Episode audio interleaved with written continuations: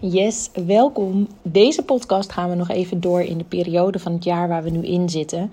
We zitten aan het einde van de laatste periode van de middelbare school van onze tieners. En dit is gewoon een heel belangrijk thema, omdat uh, ik merk dat, dat ouders gewoon zoveel onrust ervaren. En dat verschilt natuurlijk per ouder. Maar de ouders waar ik over het algemeen mee te maken heb, uh, die voelen die onrust heel erg. En deze week uh, liep ik er zelf ook tegenaan. Ik heb er ook een mail aan naar mijn mailinglijst over gestuurd en een post over geplaatst. En ik dacht, weet je, om deze, uh, ja, deze ervaring ook met mijn klanten en potentiële klanten te delen, uh, om te zorgen voor herkenning en erkenning, neem ik er ook een podcast over op. En wie weet, herken je dit wel en herken je ook het gevoel wat mij bekroop deze week heeft uh, mijn oudste zoon ook uh, zijn laatste uh, schoolexamenweek van dit jaar. En nou, hij begint eigenlijk altijd wel goed. En we plannen dan kleine stukjes lesstof in. Gaat allemaal prima. En dan moet hij bijvoorbeeld nog één paragraaf of nog even oefenen. Bepaalde opdrachten voor, voor, een, voor een vak. En dan gooit ze kont in de krip. En dan schiet hij volledig in de modus. Ik heb geen zin meer. Ik kap ermee. Het heeft allemaal toch geen zin. En ik had toch een onvoldoende enzovoort. En hij zit dan ook echt letterlijk onderuit gezakt. En bij mij gaat alleen maar door mijn hoofd: niet nu. Kom op, niet nu opgeven. Je hebt nog een paar toetsen.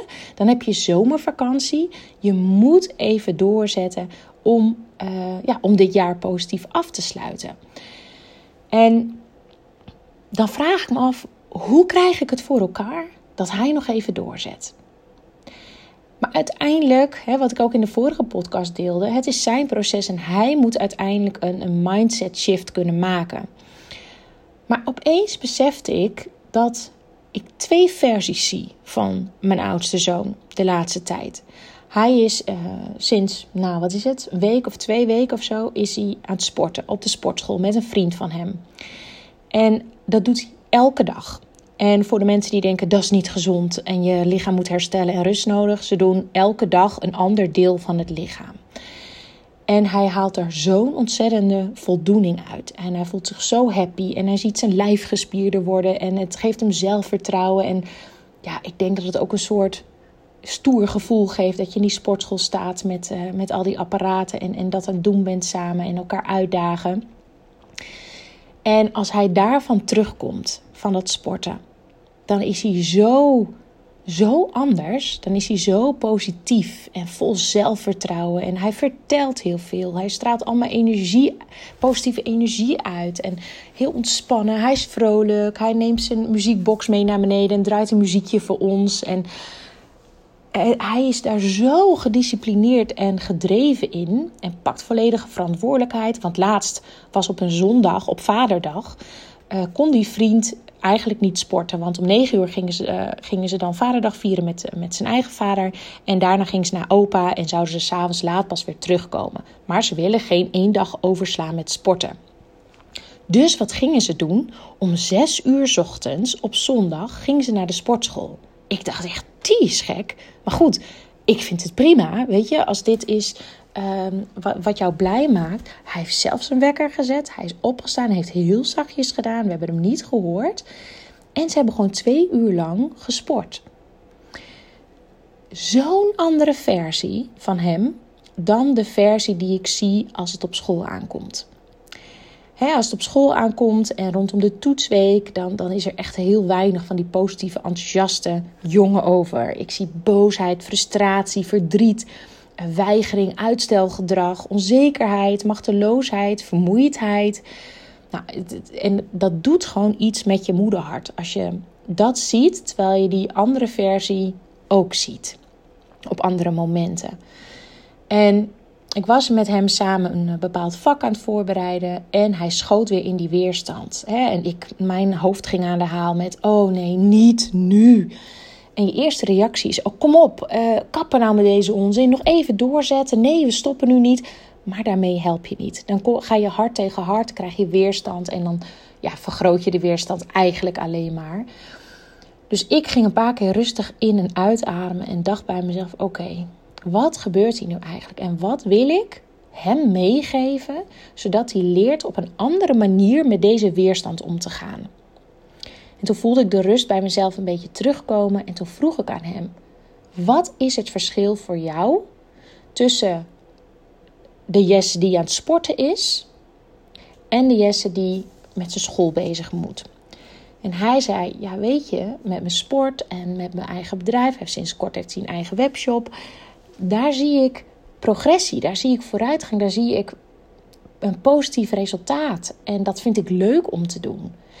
En voor school, weet je, die docent vindt toch niet goed wat ik doe. Hè? Welk, wat voor samenvatting ook maak, ik krijg nooit die extra punt voor mijn toets. Het is nooit goed genoeg. Ja, dan weet ik gewoon niet meer wat ik moet doen. Dan doe ik het toch niet.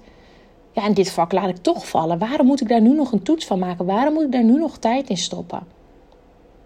Ik haat school. En ik vond dit zo spot on. Het is zo ontzettend belangrijk dat we de tieners positief stimuleren.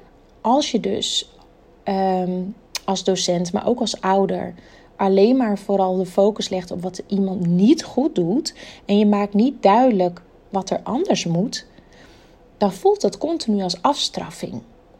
En de een slaat dan door in, in, in heel hard werken. Hè. Die type 1 waar ik ook in vertel in mijn, in mijn online training onder andere. Je hebt type 1 en type 2. Type 1 bijt zich erin vast en die slaat door in het perfectionisme. En, en haalt hele hoge cijfers uiteindelijk, maar is eigenlijk nooit tevreden. En type 2 die laat los en denkt, weet je, zoek het lekker uit, bekijk het. Als, ik toch, als het allemaal toch niet goed genoeg is, waarom zou ik dan iets doen? En het is dus zo belangrijk om je tiener te helpen bewust te worden van de invloed die die wel heeft. En daar ben ik ook op gaan zitten rondom het begeleiden van, uh, van hem. En trouwens, dat doe ik bij, bij allebei mijn kinderen, zijn we daar heel bewust mee bezig. Als ze verdrietig zijn, als er iets niet helemaal goed gaat, uh, als iemand stom heeft gedaan. Oké, wij kunnen die ander niet veranderen. En ik snap je emoties, maar wat wil jij hiermee? Wat kan jij doen om toch dat voor elkaar te krijgen wat je nodig hebt? Welke mindset heb je nodig? En ja, met, met, met, met mijn oudste zoon ben ik ook aan de slag gaan dat ik zei: Weet je, andere keren stopte jij op dit moment. En daardoor heb je misschien wel die onvoldoende gehaald. Ga deze keer net even wat langer door dan waar je vorige keer stopte. Want dat zorgt voor een ander resultaat. Je hebt altijd een keuze. Ga jij in die weerstand zitten? Verzuip je jezelf eigenlijk in het zielig vinden en het is allemaal stom en ik haat het en dat soort dingen en doe je helemaal niks? Dan zal je uiteindelijk zelf de bevestiging creëren dat, het, dat je het niet kan, dat het niet lukt, dat het niet uitmaakt wat je doet. Als jij uit de weerstand stapt en beslist: oké, ik ga ervoor, ik ga net even wat langer door dan die vorige keer, dan zal jij jezelf bewijzen dat je het wel kan. En die keuze kan alleen jij zelf maken. Ik kan je erin helpen, ik kan je stimuleren, ik kan je motiveren, maar ik kan het niet van je overnemen. Die keuze is aan jou.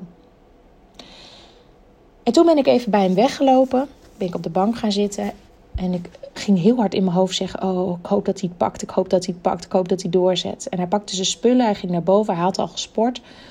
En hij ging douchen. Toen dacht ik: Nou, oké, dit is hoopvol. Maar ik durf bijna niet te hopen dat hij straks naar beneden komt en dat hij nog even wil doorzetten. En die toets die had hij pas uh, na twee dagen. Dus nog niet voor de volgende dag. En toen was hij klaar met douchen. En toen hoorde ik hem naar zijn kamer gaan en zijn deur dicht gaan. Toen dacht ik: Shit, het is niet gelukt. Maar ik zei ook tegen mezelf: Oké, ik heb gedaan als ouder wat ik nu te doen had. Ik heb hem uitgelegd hoe hij ervoor kan zorgen dat hij deze uh, negatieve spiraal kan doorbreken. En wat er gebeurt als hij in die weerstand blijft zitten. Dat hij die keuze heeft. En dat ik die niet voor hem kan maken. Meer kan ik op dat moment niet doen. Als hij zo in die weerstand zit, dan gaat er geen lesstof meer in zijn koppie. Dat weet ik inmiddels. En het mooie was, gisteren uh, had ik met hem afgesproken, als hij thuis was, nou, dan wilde hij altijd nog even uh, chillen, even zijn ding doen. En dat snap ik, is helemaal prima. We zouden om twee uur beginnen. En toen is hij dus doorgegaan tot we alles hadden gedaan. Ik zei: Mag ik je even een compliment geven dat je zo hebt doorgezet en dat je nog niet, ehm, nog niet bent afgehaakt? Hij zou heel eerlijk, ik was eigenlijk al klaar voordat we begonnen waren. ik zei: Nou, dat vind ik het helemaal knap. Hij heeft toen dus de les die ik hem heb willen leren, de dag daarvoor, heeft hij dus wel opgeslagen en heeft hij dus wel in praktijk gebracht. En niet zo snel als ik als moeder graag had willen zien direct, maar een dag later. En dan voel ik echt een klein vreugdesprongetje in mezelf dat denk, zie je, dit is wat wij mogen doen als ouders. Beseffen wat onze rol is, wat onze taak is, wat onze verantwoordelijkheid is. En tegelijk bewust zijn van waar dat ophoudt.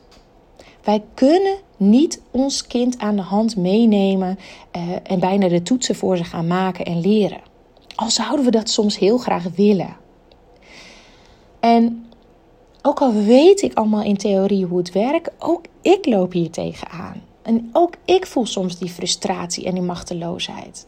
Alleen door hier heel bewust en al heel lang mee bezig te zijn, lukt het me steeds beter om eventjes tot mezelf te komen, even in uitademen, even weer stil te staan bij: oké, maar wat vind ik nu echt belangrijk? Wat wil ik mijn kind voor les meegeven rondom deze situatie? Ik wil uiteindelijk dat hij leert om niet te snel op te geven, om niet uh, door een ander te laten bepalen of die zich inzet of niet. in dit, in dit uh, voorbeeld bijvoorbeeld over die docent die alleen maar uh, kritiek geeft. Tenminste, dat is het verhaal van hem. Maar hoe hij daarmee om kan gaan. En dat hij meer kan dan, dan dat hij denkt in eerste instantie, maar dat hij dan wel er zelf wel wat voor moet doen. En door je daar dan op te focussen en ook voor jezelf te beslissen: oké, en nu is het klaar en nou moet hij het zelf doen. En een stap terug doen en loslaten. En dat noem ik dus los vasthouden. En hier een weg in vinden. En ik zeg niet dat mijn manier de manier is. Hè? Dit was mijn manier om ermee om te gaan. En dit heeft uiteindelijk goed uitgepakt. En ik weet het cijfer natuurlijk nog niet van die toets. Ik weet ook niet of het genoeg was. Want tuurlijk, in mijn optiek is hij te laat begonnen ermee. En had hij eerder en veel meer moeten oefenen. En bla bla bla. Alles wat je misschien wel zal herkennen. Maar hij doet het op zijn manier. En ik probeer te begeleiden waar hij het toelaat. Maar het belangrijkste vind ik, los van die resultaten uiteindelijk, is de manier waarop hij met dingen leert omgaan. Dat zijn de lessen die we hem geven. En nog een andere situatie. Mijn jongste zoon die wilde heel graag uh, zijn haar eraf. Die wilde een ander kapsel. En uh, die wilde het een beetje hetzelfde als zijn oudere broer. En hij had helemaal in zijn hoofd. En hij had er heel erg zin in. Ik keek uit naar de kapper. Want hij houdt helemaal niet van de kapper. Maar nu keek hij er echt naar uit. En gisteren waren we thuis terug van de kapper. En hij was zo verdrietig. Hij moest zo huilen. Hij zei: ja, Ze heeft het veel te kort geknipt bovenop. En ik vind het niet mooi. En dit is niet wat ik bedoel. Nou, je hart breekt natuurlijk. Want ja, je weet hoe het voelt als je kapsel net niet helemaal is wat je wil. En uh, ja, dat, dat is geen fijn gevoel. En de neiging heb je zeggen, oh, het groeit wel weer aan. Hè? Dat is je eerste reactie. Dat was ook mijn eerste reactie. Maar dan geef je geen erkenning voor het gevoel van hem. Dus ik heb hem op schoot genomen, hij is tien. En ik heb hem geknuffeld. En ik heb gezegd dat, dat, dat me kan voorstellen dat het een vervelend gevoel is. En hoe we het kunnen oplossen. En of ik hem zou helpen. En het, zijn broer hem kan helpen met, uh, met het in model brengen. Nou, dat heeft zijn broer ook gedaan. En toen kwam hij helemaal happy naar beneden. En zei: Mam, maak nu maar een nafoto. Ik had een voorfoto gemaakt. En ik wou een nafoto maken, maar dat mocht eerst niet. Hij zei: Maak nu maar een nafoto. Hij was helemaal happy met zijn kapsel. En dit zijn dingen waar je je kind bij mag begeleiden. Mag begeleiden door de emoties die ze voelen. Je hoeft het niet over te nemen, je hoeft ze niet te sturen, je hoeft dingen niet te voorkomen. Je hoeft er alleen maar te zijn en met ze mee te denken. En de lessen die jij al hebt geleerd in het leven, hun ook te gunnen. En ze daarbij te begeleiden. En ook weer weten wanneer je het weer eventjes wat meer mag loslaten. Want zodra je er te veel bovenop gaat zitten, werkt het averechts. Geloof mij. En dat is moeilijk, want uh, je eigen stuk speelt onbewust ook heel vaak mee. Hè? Um, en dat is ook iets waar, waar we in het online programma Positief Motiveren doe je zo heel veel aandacht aan besteden. Laatst zei je moeder van ja, ik zie op de website dat het allemaal over school gaat. Maar dat is echt niet waar. Het is echt niet waar dat het alleen maar over school gaat. Kijk, Tuurlijk mag je vragen stellen, want de, de klanten komen binnen met vragen over motivatieproblematiek. Of dat nou een tiener is die heel veel stress ervaart, keihard werkt en wat eigenlijk helemaal niet nodig is, want de cijfers zijn heel goed. Of een tiener die heel weinig doet ehm, en allemaal onvoldoendes haalt en weigert te werken en geen motivatie heeft. Uiteindelijk gaat het hele programma gaat erom hoe jij je voelt als ouder. Hoe jij reageert op de weerstand van je kind, op het gedrag van je kind en een hele belangrijke, welk aandeel heb jij zelf onbewust in die gehele situatie? Want geloof mij, ons aandeel als ouders is zoveel groter dan dat we vaak beseffen. We geven vaak zelf een voorbeeld wat onze kinderen opvolgen. Of onze kinderen doen het tegenovergestelde van wat wij normaal doen. En ik ben er ook van overtuigd dat ik daarom een zoon heb gekregen, de oudste, die echt tegenovergestelde is van mij. Ik ben heel ambitieus en ik, ik, ik werk graag hard. Ik doe graag alles heel erg goed.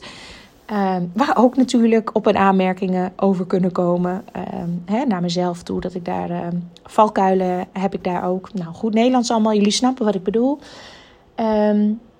Hij laat mij zien dat je soms ook gewoon wat minder hard mag werken. En dat het dan ook goed komt.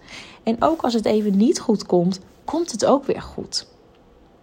En ik, ja. Het, het staat niet op je diploma als je, ehm, als je een jaartje extra erover doet. Het staat niet op je diploma als je hele hoge cijfers hebt. Ja, je krijgt een cijferlijst. Maar ik heb persoonlijk nog nooit mijn cijferlijst hoeven laten zien. Ja, of je moet ehm, naar een opleiding gaan waar ze echt. Um, ja, numerus fixus bestaat niet meer, maar wel decentrale selectie. Waarop ze echt je cijfers laten meerekenen. Dat is over het algemeen alleen maar in VWO zo. En VWO 5 telt dan voornamelijk mee. Um, maar over het algemeen verder bij, bij andere opleidingen is dat helemaal niet zo belangrijk. Een cijfer zegt ook helemaal niet zoveel. Het is veel belangrijker om stil te staan bij de levenslessen die je kind wil meegeven. En als je dat lukt, kom je zelf ook veel meer in die rust en het vertrouwen.